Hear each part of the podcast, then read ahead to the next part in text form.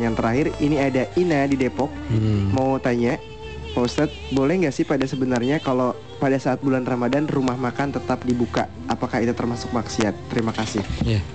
Ya kepada Ina di Depok. Jadi masalah kalau rumah makan buka di bulan Ramadan sebenarnya itu sesuatu yang nggak ada masalah sebenarnya gitu ya. nggak ada masalah. Yang menjadi masalah adalah ketika rumah makan tersebut memfasilitasi orang-orang yang seharusnya puasa menjadi nggak puasa. Gitu ya. Jadi sebenarnya kalau rumah makan itu memang bisa membatasi bahwa ya, hanya jadi saya sempat lihat ada satu rumah makan di daerah Jakarta itu masang pelang. Untuk bulan Ramadan pembelian da- apa pembelian dari apa dari mulai pagi sampai jam 5 sore itu hanya untuk dibawa pulang nggak boleh dimakan di tempat gitu ya.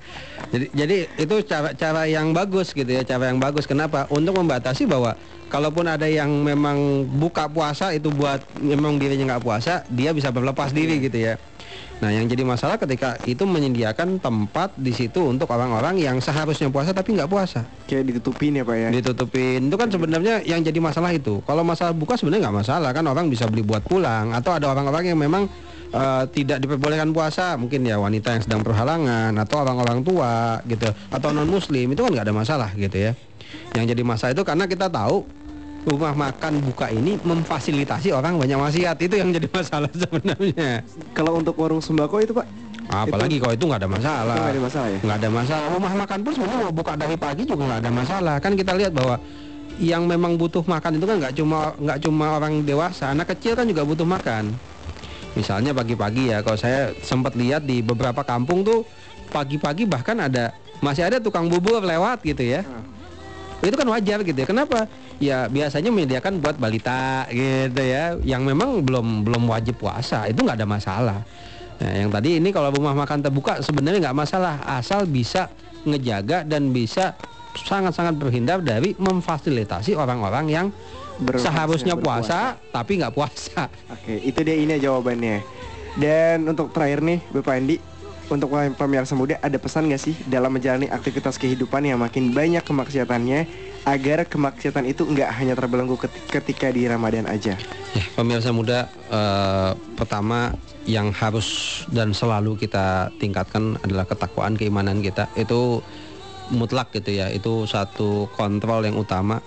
Jadi keimanan dan ketakwaan itu terus selalu ditingkatkan, dikuatkan sehingga apa pun yang kita lakukan itu bisa sesuai dengan standar keimanan dan ketakwaan kita. Kedua, apa pun yang kita lakukan itu akan dimintai pertanggungjawaban.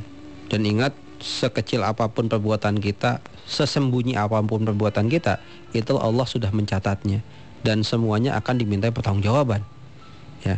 Jadi hati-hati. Hati-hatinya seperti apa? Hati-hati bahwa apa pun yang kita lakukan paling enggak kita mengetahui dulu hukumnya apa. Perintah Allah atas perbuatan ini apa? Sehingga apa pun yang kita lakukan paling enggak sesuai dengan perintah dan larangan Allah. Ya. Yang ketiga, nah, masalah pergaulan di lingkungan juga harus kita perhatikan. Ketika kita mendapati lingkungan kita lingkungan yang tidak baik, maka hindarilah karena lingkungan yang tidak baik ini ini biasanya menjadi penggerus keimanan yang paling cepat. Orang yang eh, rajin beribadah, yang rajin eh, etika, mungkin yang rajin, yang alim lah bisa dikatakan seperti itu, itu akan dengan mudah akan tergerus, akan mudah akan terkikis ketika bermain pada lingkungan yang nggak benar. Ya. Jadi tiga hal ini insya Allah bisa ngejaga kita ya di bulan Ramadan ya keimanan kita kuatkan gitu ya. Terus dalam uh, perilaku juga kita timbang dengan sesuai dengan aturan Allah dan pilihlah teman-teman yang baik. Jangan sampai teman kita ternyata adalah pasukan-pasukan setan yang ngegodain di bulan puasa. Yang menjerumuskan kita malah ya Pak ya. Betul. Oke untuk Bapak Andi terima kasih atas waktunya Sama-sama. Sedia untuk datang ke sini Pemirsa Muda Memberikan kita banyak ilmu sekali di sore hari ini Dengan temanya Ramadan tanpa maksiat Dan untuk pemenangnya Bapak Andi bisa disebutkan ini ada Siapa ini Bapak Uh, Andi? Yuda di Cibinong ya uh, 0856 951 sekian sekian sekian. Dengan jawabannya Pak langsung Uh, jawabannya keimanan dan ketakwaan, kontrol dari masyarakat dan peran pemerintah. Satu Ya. lagi Ini Ina nih pakainya nomor sama ah, Oh iya, satu la- satu lagi dari Ina di Depok. Jawabannya keimanan yang pertama keimanan ketakwaan, kedua kontrol dari masyarakat, ketiga peran pemerintah. Oke itu dia Ya. jawabannya Jadi pemenangnya untuk siaran Ramadan bersama Indosat sore hari ini adalah Yuda di Cibinong dan Ina di Depok Di Depok.